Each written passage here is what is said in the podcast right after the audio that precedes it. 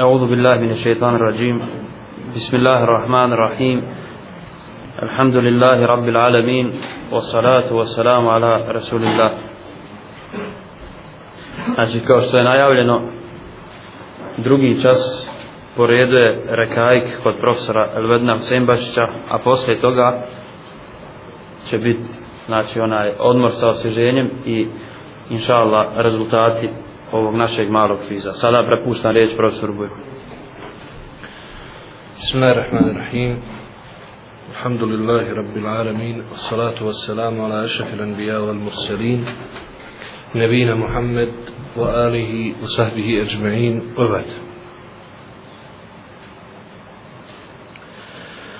Govorili smo o početku stvaranja na ovim drsovima, vidjeli smo kako je to bilo, u skladu sa opisom koji se nalazi u ajetima i hadisima. Govorili smo također o vremenu prije objave Kur'ana, kako je stanje bilo, šta se dešavalo i tako dalje. Vidjeli smo i kako je poslanik sallallahu alejhi ve selleme dobio objavu prvu. Kako je taj događaj bio i gdje se dogodio i kojeg dana i sve ta, slično. I ako Bog da danas ćemo nastaviti sa kazivanjem u vezi s tim i kako je ta objava trajala 23 godine. Nakon prve objave, poslanik sallallahu alaihi wasallam otišao je kod Verake ibn Neufala sa Hatidžom, sjećate se, i šta mu je on nagovijestio da će nalaziti na probleme i da nikada ni jedan poslanik nije donio to što je donio, znači objavu, a da nije imao probleme u vezi s tim. Posle toga poslanik sallallahu alejhi ve selleme sa iščekivanjem čekao novu objavu. Ali šta se sad desilo? Desilo se da objava nije dolazila. Događa se šestomjesečni period po ispravnom mišljenju da je to trajalo šest mjeseci. Šestomjesečni prekid objave. Nema ništa. Nema ništa. Kažu učenjaci, Allah Đalešanu je htio time poslanika sallallahu alaihi ve selleme da pripremi za novu objavu psihički, a i fizički da on dobro se u njegovom srcu ustabili da je to stvarno Džibril dolazio i da je to objava da prođe taj jedan period nakon prvog iznenađenja vidjeli ste i u istinu je tako i bilo poslanik sallallahu alaihi ve selleme iščekivao objavu sa čežnjom i onda dolazi nakon toga prva objava ja ejuhel mudesir kum fa endir wa rabbake fa kebbir wa thijabake fa tahir wa rudze fa džur wa la temnun tes takfir wa li rabbike fa smir osam ajeta iz sure el mudesir dolazi i Allah Đelešanu u tim ajetima naređuje poslaniku i kaže o ti umotani pokriveni Znači umoto se zbog onog straha koji je bilo sjećati se kad je došao kod Hatidže radijallahu anha. Ustani i opomini. Kum fa andir. Ustani i opomini.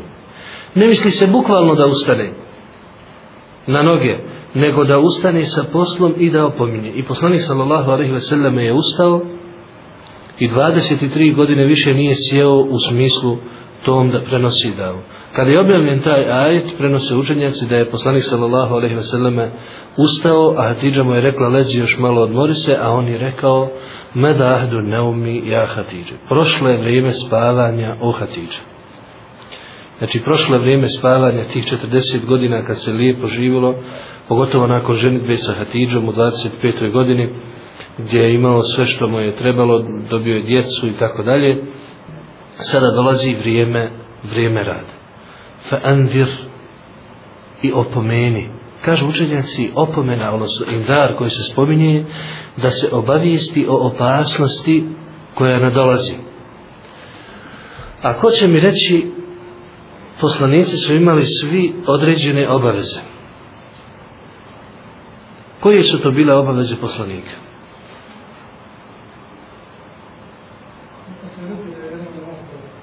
A? Tačno. Ali na koji način imali su dva metoda u tom prenošenju? Ovdje ovom manetu se spominje jedan, a tu je opomena. Slažemo se tu, samo kako metod taj, kako, kojom, kojom metodom?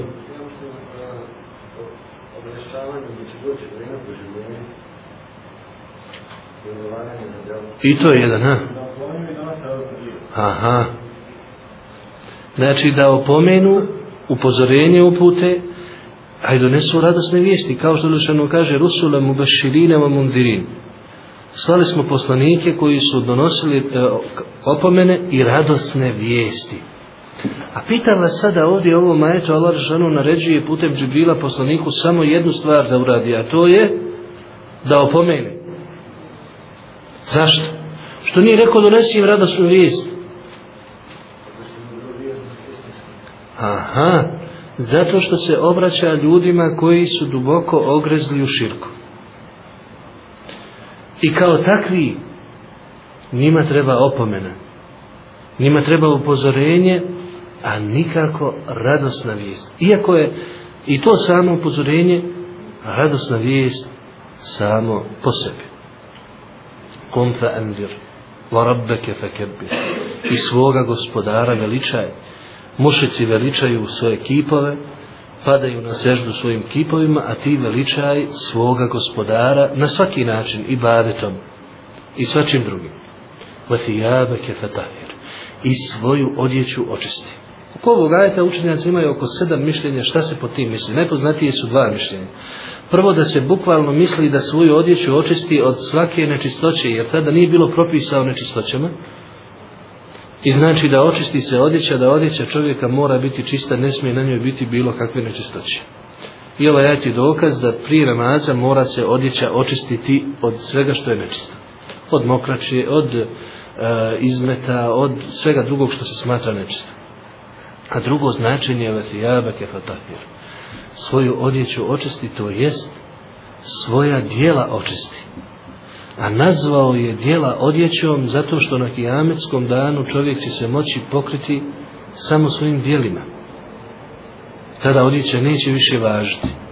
I ono što čovjek uradi kao da mu je ono što je najbliže isto što je odjeća za tijelo. Prvo što je za tijelo. Do, do tijela to je odjeća. Tako i dobra dijela čovjeka su prvo do njegovog tijela i ono što je najvažnije.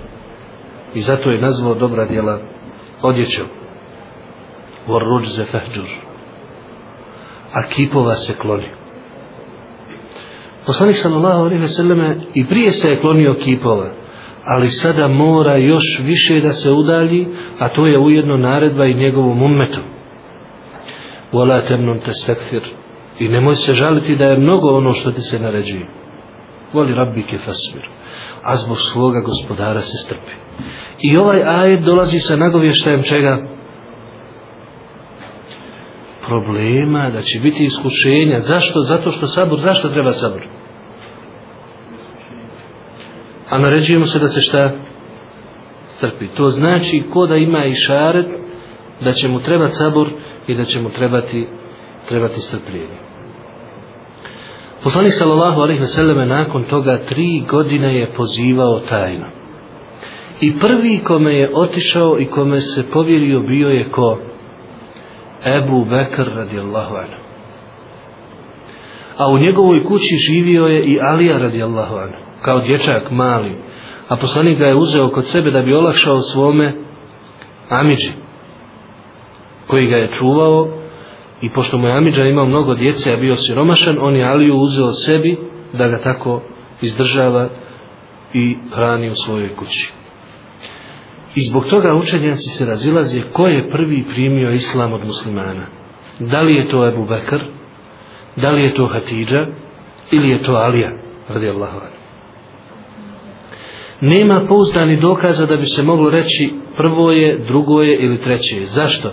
Zato što su svih troje bili u kontaktu s poslanikom u trenucima spuštanja objave. Poslanik sallallahu alejhi ve selleme kaže jedini koji se nije nimalo dvoumio bio je Ebu Bekr kad sam mu predočio islam. Svi ostali su malo zatezali, razmišljali, ali Ebu Bekr je odmah prihvatio. A Ebu Bekr je bio skoro istih godina kao i poslanik sallallahu alejhi ve selleme. Bili su drugovi dok su bili mladi. A Hatidža radijallahu anha, ona je bila prva koja je čula kad je objava došla. Ali je bio tu u kući. I zato neki učenjaci kažu, najbolje je u vezi s tim reći, da je prv, prva od žena primila islam Hatidža radijallahu anha prvo dijete koje je primilo islam bio je Alija radijallahu anhu a prvi čovjek bio je Abu Bekr a Allah najbolje zna tri godine dolazi, prolazi tako objava poslanik sallallahu alaihi ve selleme tajno razgovara i priča sa onima za koje misli da su podobni da bi mogli prihvatiti Kažu učenjaci, to nas uči jednoj stvari. A to je da onaj koji želi da širi vjeru, on mora biti taj gdje će, kako će i kome će govoriti. A ne da njega vuku i da govori šta, šta, da govori šta oni hoće, što, što želi da čuju. Zato je poslanik sa Seleme govorio isključivo kom, za koga je mislio da bi mogao to prihvatiti. I znao bi često reći, ako ne želiš prihvatiti, nemoj nikom govoriti, ja idem dalje.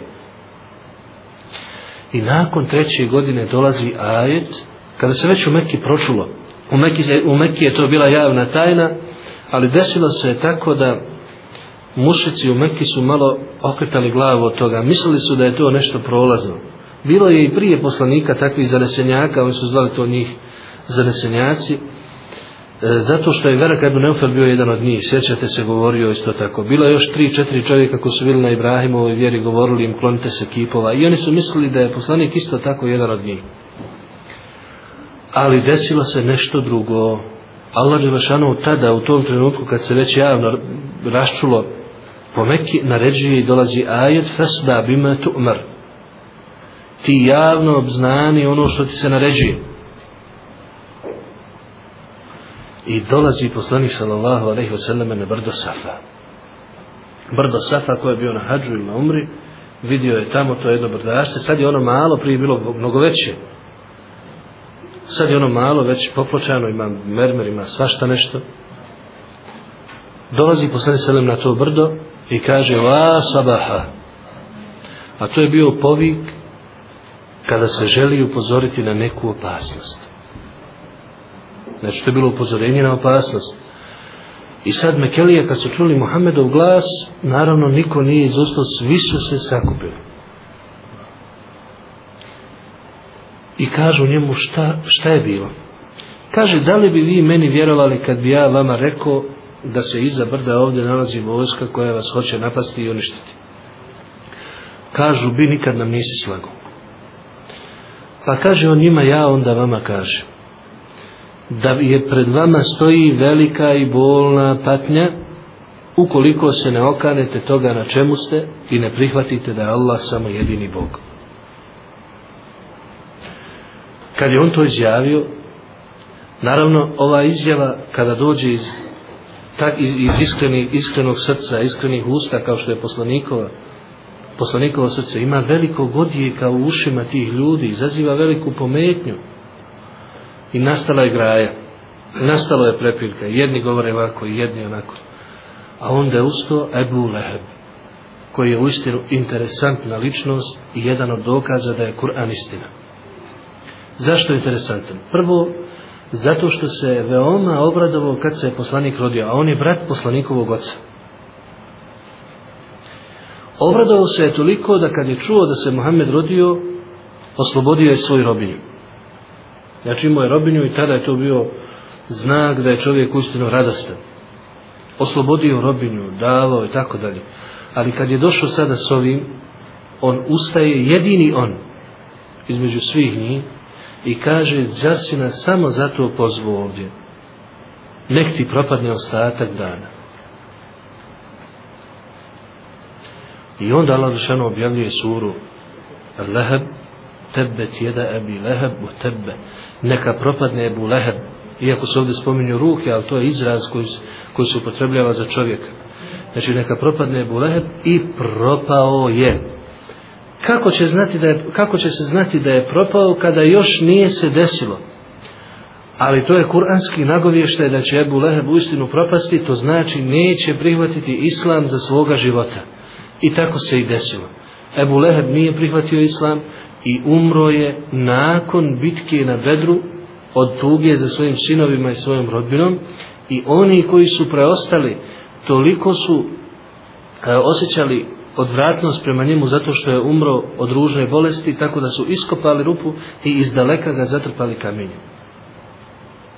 Znači nisu ga ni sahranili kako treba, kako, kako se to radi sa velikanima Mekke, nego su ga iz daleka zatrpali kamenjem i u rupu i zapalili njegovu kuću i sve što je bilo tu, bojali su se te zaraze koja je njega zadesila. Znači prošlo je od toga desetak, 15 godina od, od tog događaja do bitke na Bedru i 15 godina obistinilo se to kuransko predskazanje da je Buleheb uistinu će propasti i da neće prihvatiti tu istinu.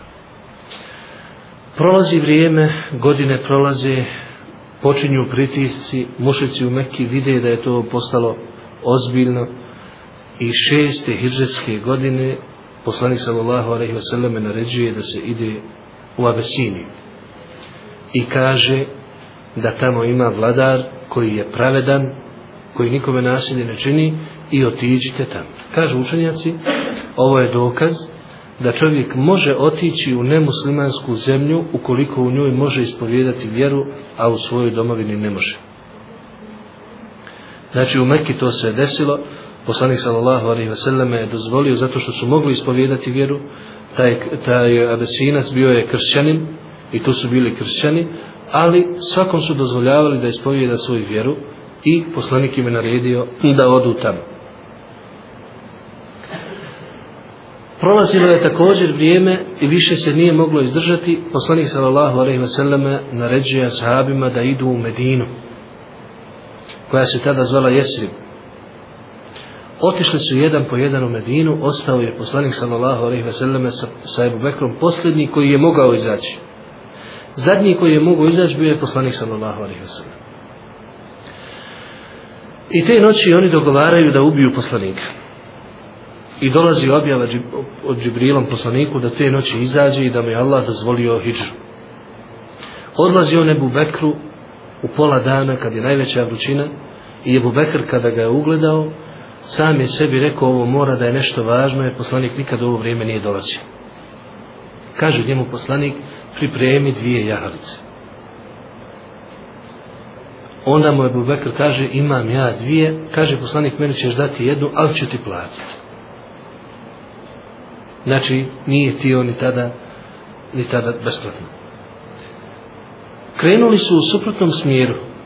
Umjesto da idu prema Medini, oni su otišli na sasvim drugi kraj prema, prema moru obišli su okolo, potjera je bila za njima velika i tek kad su oni uradili sve što je do njih, Allah Đelešanu ih je sačuvao svojom milošću i vi znate su jedni hadisi ima onaj golub što je bio, sjećate se, to su slabi hadisi, nisu potvrđeni, ali eto, spominju se onako usput, ali nisu potvrđeni hadisi.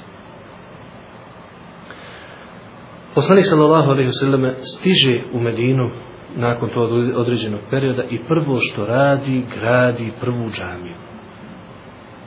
I zato kažu naši učenjaci, odnosno i prije u našem narodu je bilo da je prvi dio sela džamija, pa onda oko džamije se ostalo gradi.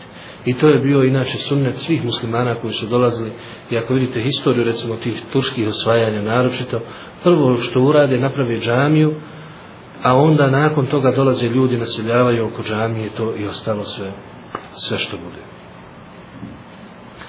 ta džamija bila je u mjestu Kuba prva džamija nakon toga odlazi u Medinu i gradi svoju džamiju i pravi svoje kuće oko, oko džamije u Medini je poslanik sallallahu alaihi wa sallam proveo deset godina tu su mu došli svi propisi tu je prvi put zasnovana islamska država, islamska zajednica kako, kako to Allah Đelšanu naređuje i za kratko vrijeme pokorili su cijelo arapsko poloostrovo za osam godina što je bilo nezamislivo po svim nekakvim strateškim razmišljanjima i sl.